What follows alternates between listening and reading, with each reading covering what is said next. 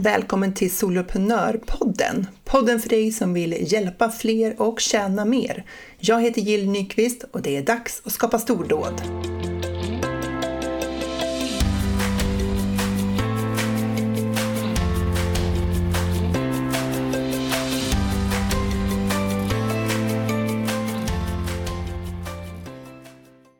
Hur ska man få tid att utveckla sitt företag när man redan har mycket kundleveranser? Ja, det är ju en intressant fråga. Eh, för att vi älskar ju att vi har mycket uppdrag i våra företag. Det gör ju att eh, vi eh, har bra beläggning och vi får stadiga intäkter och det krävs för att vi ska kunna driva ett hållbart företag över tid.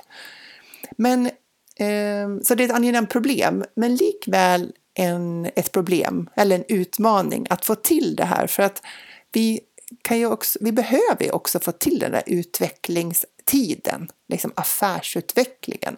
För att om vi aldrig någonsin får till den, då kommer det innebära att vi kommer fortsätta med de leveranser vi har idag på den nivån vi gör dem idag, liksom för all evig tid. Eller åtminstone så länge som kunderna avropar dem där. Och ska vi verkligen skapa det där företaget som vi är ute efter, då kan vi behöva göra de här insatserna för att utveckla nya tjänster.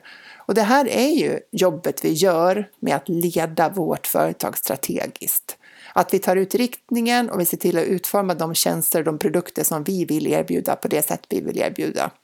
Så affärsutvecklingstiden, den är ju viktig att få till samtidigt som vi säkert överens om att kunduppdragen kommer ju först.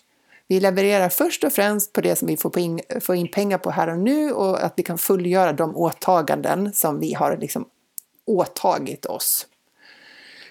Den här utvecklingen då, den kan ju handla om att liksom, alltifrån att erbjuda någon form av ny tjänst, till exempel att skapa en onlinekurs. Eller så kan det ju vara att man vill börja jobba mot en helt ny målgrupp inom ett helt nytt område. Så att du liksom så här, du byter nisch.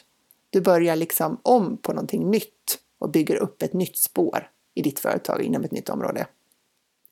Och eh, jag har haft den här vardagen eh, under flera år nu att liksom försöka balansera den där eh, leveranstiden med utvecklingstiden. Och jag tänkte att jag skulle dela med mig av några synsätt som kanske kan hjälpa dig om det är så att du är i samma läge. För jag tror inte att det liksom är någon så här självklar lösning på det här eller att det finns bara ett sätt att göra det här på. Men jag kan berätta hur jag, hur jag har sett på det här och kanske lite dela med mig av några erfarenheter av hur jag har gjort. För jag tänker att det kokar ner till två aspekter av tid och två aspekter av pengar när man funderar på det här med utveckling och leverans, löpande leverans. Så antingen så betalar vi med tidsaspekten för att få den här utvecklingsinsatsen gjord. Och eh, de två delarna jag tänker på då, det är att du antingen tar av din fritid, det vill säga att eh, du levererar till dina kunder i veckorna och sen tar du av kvällar eller helger för att göra utvecklingsarbetet i ditt företag. Och det här innebär ju att du blir mindre ledig och över tid så är det ett ohållbart sätt att jobba på för vi, kan, vi måste ju vara ledig någon gång också. Men det, den tiden har du ju då till ditt förfogande och du kan använda den för att utveckla i ditt företag om du vill. Det andra sättet att betala med tid, det är att du bokar in den här utvecklingstiden mycket längre fram i din kalender. Vi säger att om du är fullbokad nu under våren, då bokar du av tiden till hösten. Och då betalar du ju med liksom tidsaspekten av att det tar längre kalendertid att utveckla det du vill utveckla. Så att den där äh, nya tjänsten som du vill komma fram till kommer ta, äh, den kommer skjutas på framtiden för att du bokar in dig själv när du faktiskt har utrymme i din kalender. Och tittar man på de här två aspekterna så har, väl, så har jag gjort båda. Fast jag ska väl erkänna att jag under ganska lång tid gjorde den första. Alltså ta av fritiden, ta av liksom, kvällar och helger för att utveckla den där onlinekursen som jag ville göra eller den där nya workshopen eller det där nya webbinariet eller sådär. Och det beror ju på att jag under många år inte var villig i att betala med alternativ nummer två. Så även om jag hade de här konsultuppdragen då, särskilt i början av mitt företagande, som var väldigt krävande, så var jag ändå fast besluten att bygga upp min online närvaro och mina online-tjänster, vilket gjorde att jag gjorde det på övrig tid. Och det var ju slitsamt. Slitsamt åt tillmiddag att liksom det blev väldigt många timmars arbete varje vecka. Men för mig var det värt det för att jag inte ville liksom göra klart ett långt konsultuppdrag och liksom så här, slå mig till ro med att så här, nu har jag ändå intäkter, jag har det här uppdraget, det är ett roligt uppdrag, det är ett krävande uppdrag. Så att jag väntar med att bygga upp mina online Jag kunde liksom inte gå med på det för mig själv, utan för mig var det så viktigt att jag kunde liksom jobba med det parallellt. Så därför valde jag det spåret och hittade en väg att göra det framåt. Så här behöver man ju känna efter. Alltså, vart står man i livet? Och det här beror lite grann på vad man har annat runt omkring sig också. Kan man tulla på den där fritiden? Eh, eller går det ut över liksom familjen eller går det ut över sin egen energi? Att man, liksom, man gör av med mer energi än man faktiskt har. För vi vill ju inte riskera att bli sjuka. Det är ju det värsta. Liksom det, om inte du kan jobba i ditt företag, vem ska göra det då? Så vi måste ju vara rädda om oss själva också när vi bestämmer oss för det här. Så det är liksom två aspekter av tid. Sen finns det två aspekter av pengar. För man kan ju köpa sig ibland tid också. Du kan ju ta hjälp med dina liksom, saker i ditt företag så att du får loss tid. Och det här kan du ju faktiskt, beroende på vad du har för företagande, så kan du köpa hjälp för administrativa jobb och du kan köpa hjälp för kundleverans. Och då betalar du ju ett annat företag för att du ska få loss tid att utveckla i ditt företag. Så att administrativa tjänster, det kan ju vara att du tar hjälp av en VA till exempel, en virtuell assistent som, som underlättar för dig i dina leveranser genom att, så att du kan ta bort saker från ditt görande i din vardag så att du får loss tid. Eller om du kan ta hjälp i själva kundleveransen så kan man ju säga att du skaffar en underleverantör som gör en del av din leverans för att det ska kosta eller för att du ska få loss den här tiden och utveckla tjänster. Så det är en aspekt av det här med pengarna. En annan aspekt är ju att du avsätter tid där du inte levererar till kunden. Att du liksom drar ner på kundåtagandet om du har möjlighet till det och liksom säger att ja, men, ja, en dag i veckan så ska jag jobba med den här typen av tjänster, som utvecklingstjänster. Men då kommer ju det att kosta dig pengar. Och det här kanske inte går, det beror ju på vad du har för avtal till kunden. Men eh, det kan också vara så att du kan skruva på det där så att du kan dra ner liksom ditt engagemang och säga att du liksom kan göra färre timmar mot de kunder du har. Men då, då bekostar utvecklingsarbete med pengar på det sättet. Och för min del så har jag inte gjort den, alltså jag har inte liksom tagit in hjälp för att fullgöra mina kundleveranser. Däremot så har jag tagit in hjälp, som jag pratat om tidigare i podden, för att eh, fixa det här administrativa. För att hjälpa mig med sådana saker i mitt företag som inte nödvändigtvis jag behöver göra. Och det gör att jag har ju sparat tid. Men det jag framförallt kanske känner av, det är att jag sparat energi. För det, det är så många saker som ska göras i ett företag och just att jag får hjälp med en del av de här löpande sakerna har känts väldigt värdefullt. För, för att så här, jag orkar ju inte hur mycket som helst. så, det, det, blir ju, det blir så många lager av uppgifter hela tiden så det har varit väldigt skönt för mig att, eh, eh att ta hjälp med de där sakerna för att frigöra liksom, både tid men framförallt energi. Och oavsett om vilken strategi du väljer av det här eller om du väljer någon helt annan variant så tänker jag att det är viktigt att du, att vi, att vi är tuffa i våra egna prioriteringar kring vad är det som ska utvecklas och varför? Både för att vi ska lägga tid på rätt saker men också för att vi ska liksom lägga vår energi på rätt saker. För när vi utvecklar nya saker så använder vi den delen av hjärnan som är den mest energikrävande delen av hjärnan. Och vi har ju liksom inte hur mycket kräm som helst där. Och jag föreställer mig att du, precis som jag, ger en hel del av det där nytänkandet när du hjälper dina kunder också. Så när du ska liksom komma ner till liksom här, exakt vad är det som ska utvecklas och varför då, då kan det ju vara hjälpsamt att titta på de här utvecklingsaktiviteterna eh, ur några olika perspektiv. Och det handlar om att komma ner till att göra dem så konkreta som möjligt så att du har en väldigt tydlig bild av vad du förväntas göra. För ska du göra någonting på kortast möjliga tid, oavsett vilken strategi du väljer för att få loss den där tiden, ska du göra det på kortast tid, då gör du det bäst om du verkligen har klart för dig vad det är du ska göra och på vilket sätt du ska göra det. Så vad kan det handla om då? Ja, men du kanske ska er, utveckla nya kunderbjudanden och det handlar ju om saker som du kan sälja. Det kan vara ett nytt program eller en ny onlinekurs eller en ny workshop som du ska sälja, konsulttjänst eller föreläsning eller vad det är. Det är ett nytt erbjudande och det i sig tar ju tid att utveckla innehållet och liksom leveransen av det. Sen kan det handla om kvalitetsförbättringar det är något som förbättrar för e-, egentligen de kunder du redan har. Alltså att du gör någonting så att det blir enklare för dem att få resultat eller av någon.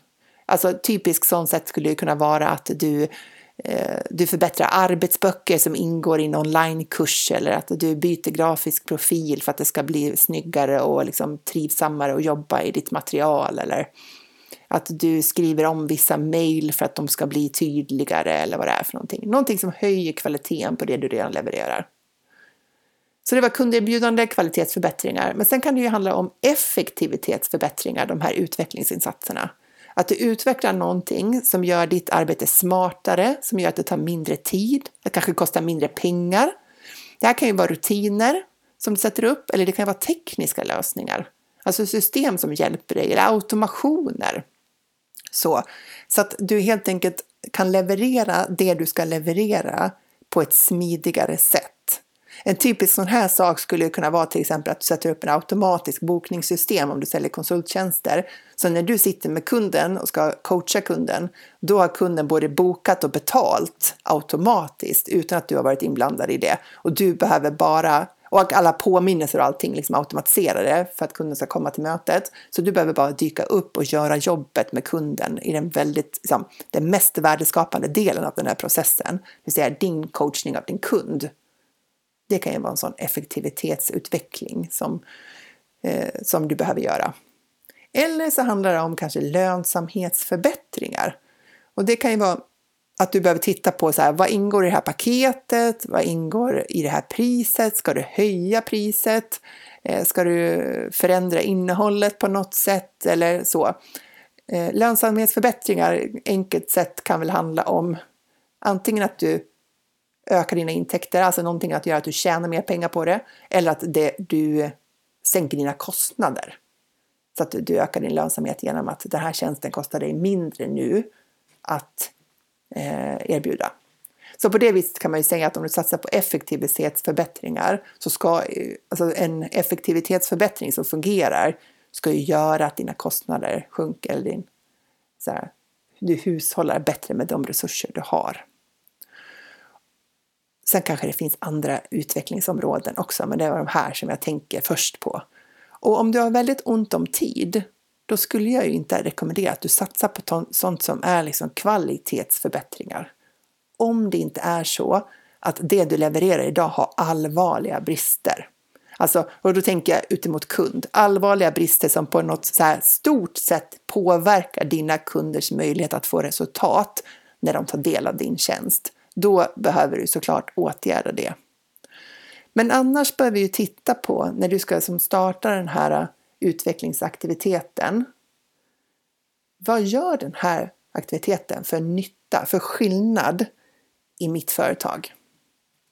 Och vad är det, för att du ska komma dit du vill i ditt företag, vad är du mest bekänt av att du faktiskt satsar den här tiden som blir så dyrbar då, den här tiden du avsätter på ett eller annat sätt för att få till den här utvecklingsaktiviteten.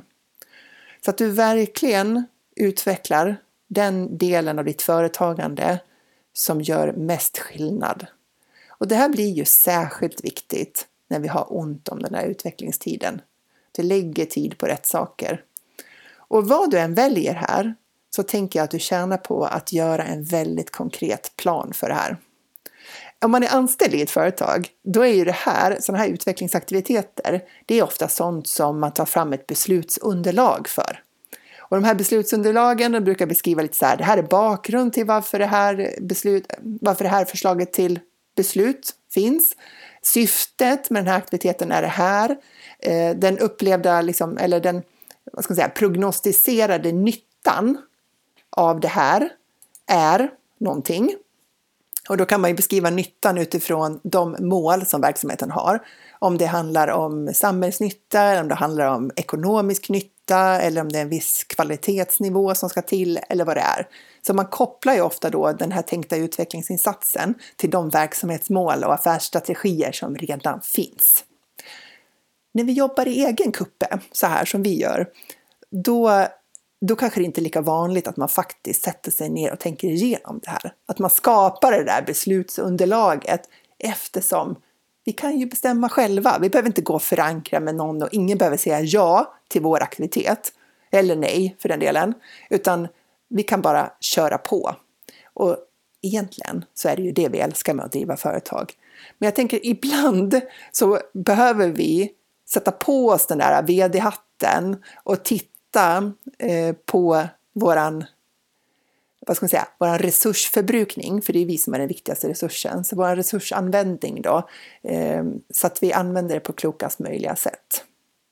Så du kanske behöver, du kanske skulle vara betjänt av att faktiskt titta på så här, vilka idéer har jag för utvecklingsaktiviteter?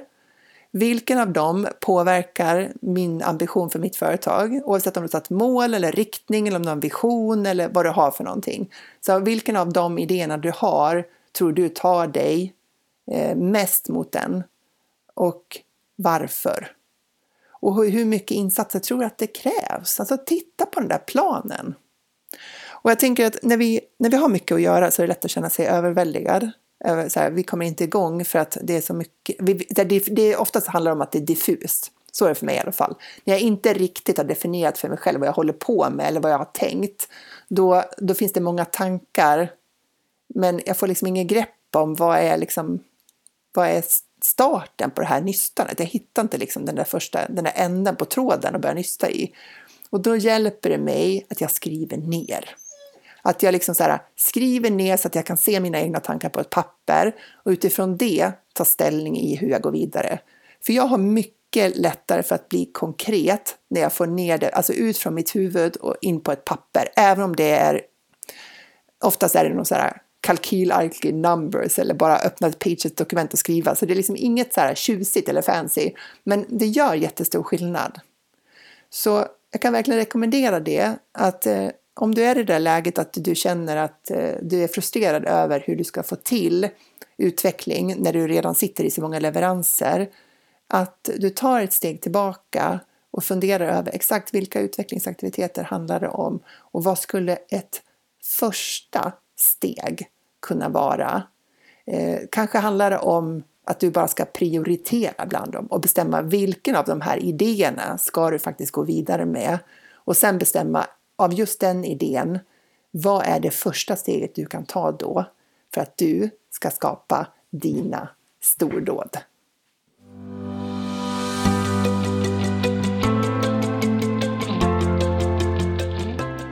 Stort tack för att du lyssnar på Soloprenörpodden. Jag är så glad för det. För att du inte ska missa när ett nytt avsnitt kommer ut så prenumerera gärna på podden i den poddspelare som du använder så vet du att du alltid får en notifiering när det är dags för ett nytt avsnitt. Om du vill får du gärna ta en skärmdump av det här avsnittet och tagga mig på Instagram i en story, solopreneur.nu. Jag tycker det är galet roligt att se alla er som gör det, för då vet jag ju att just du lyssnar och det är ju helt fantastiskt. Stordådligt, som jag skulle kunna säga.